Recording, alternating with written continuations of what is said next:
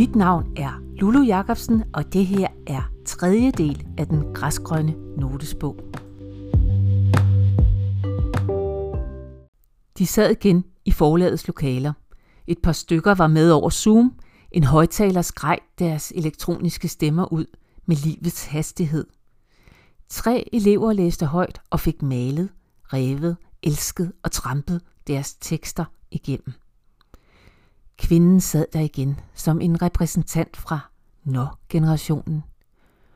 Hun var en af dem, som for længst var faldet af toget, mens den neongule sol brændte. Hvad var hun nu? En ældre dame, der måske kunne være heldig at få fornøjelsen af at møde fremtidens store forfattere, inden de sprang ud. Lad være med at putte for meget medbetydning ind i scenerne. Det bliver for svulstigt, sagde I, og fortsatte med at fortælle om forfatteren J, som siger, at når hun skriver om at sætte en taske ned på gulvet, så er det en taske, der bliver sat på gulvet. Derfor skal der heller ikke lægges mere i det med den græsgrønne notesbog, tænkte kvinden. Om aften gik hun ud på sin sene tur til søen.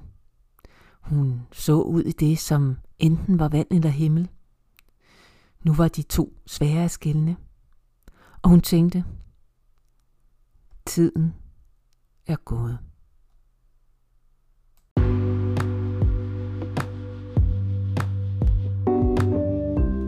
Du har lyttet til tredje del af den græsgrønne notesbog. Hvis du ikke kan lade være, så lyt til fjerde del også. Mit navn er Lulu Jacobsen, og jeg har både tænkt og indtalt denne tekst. Tak for at være min lytter.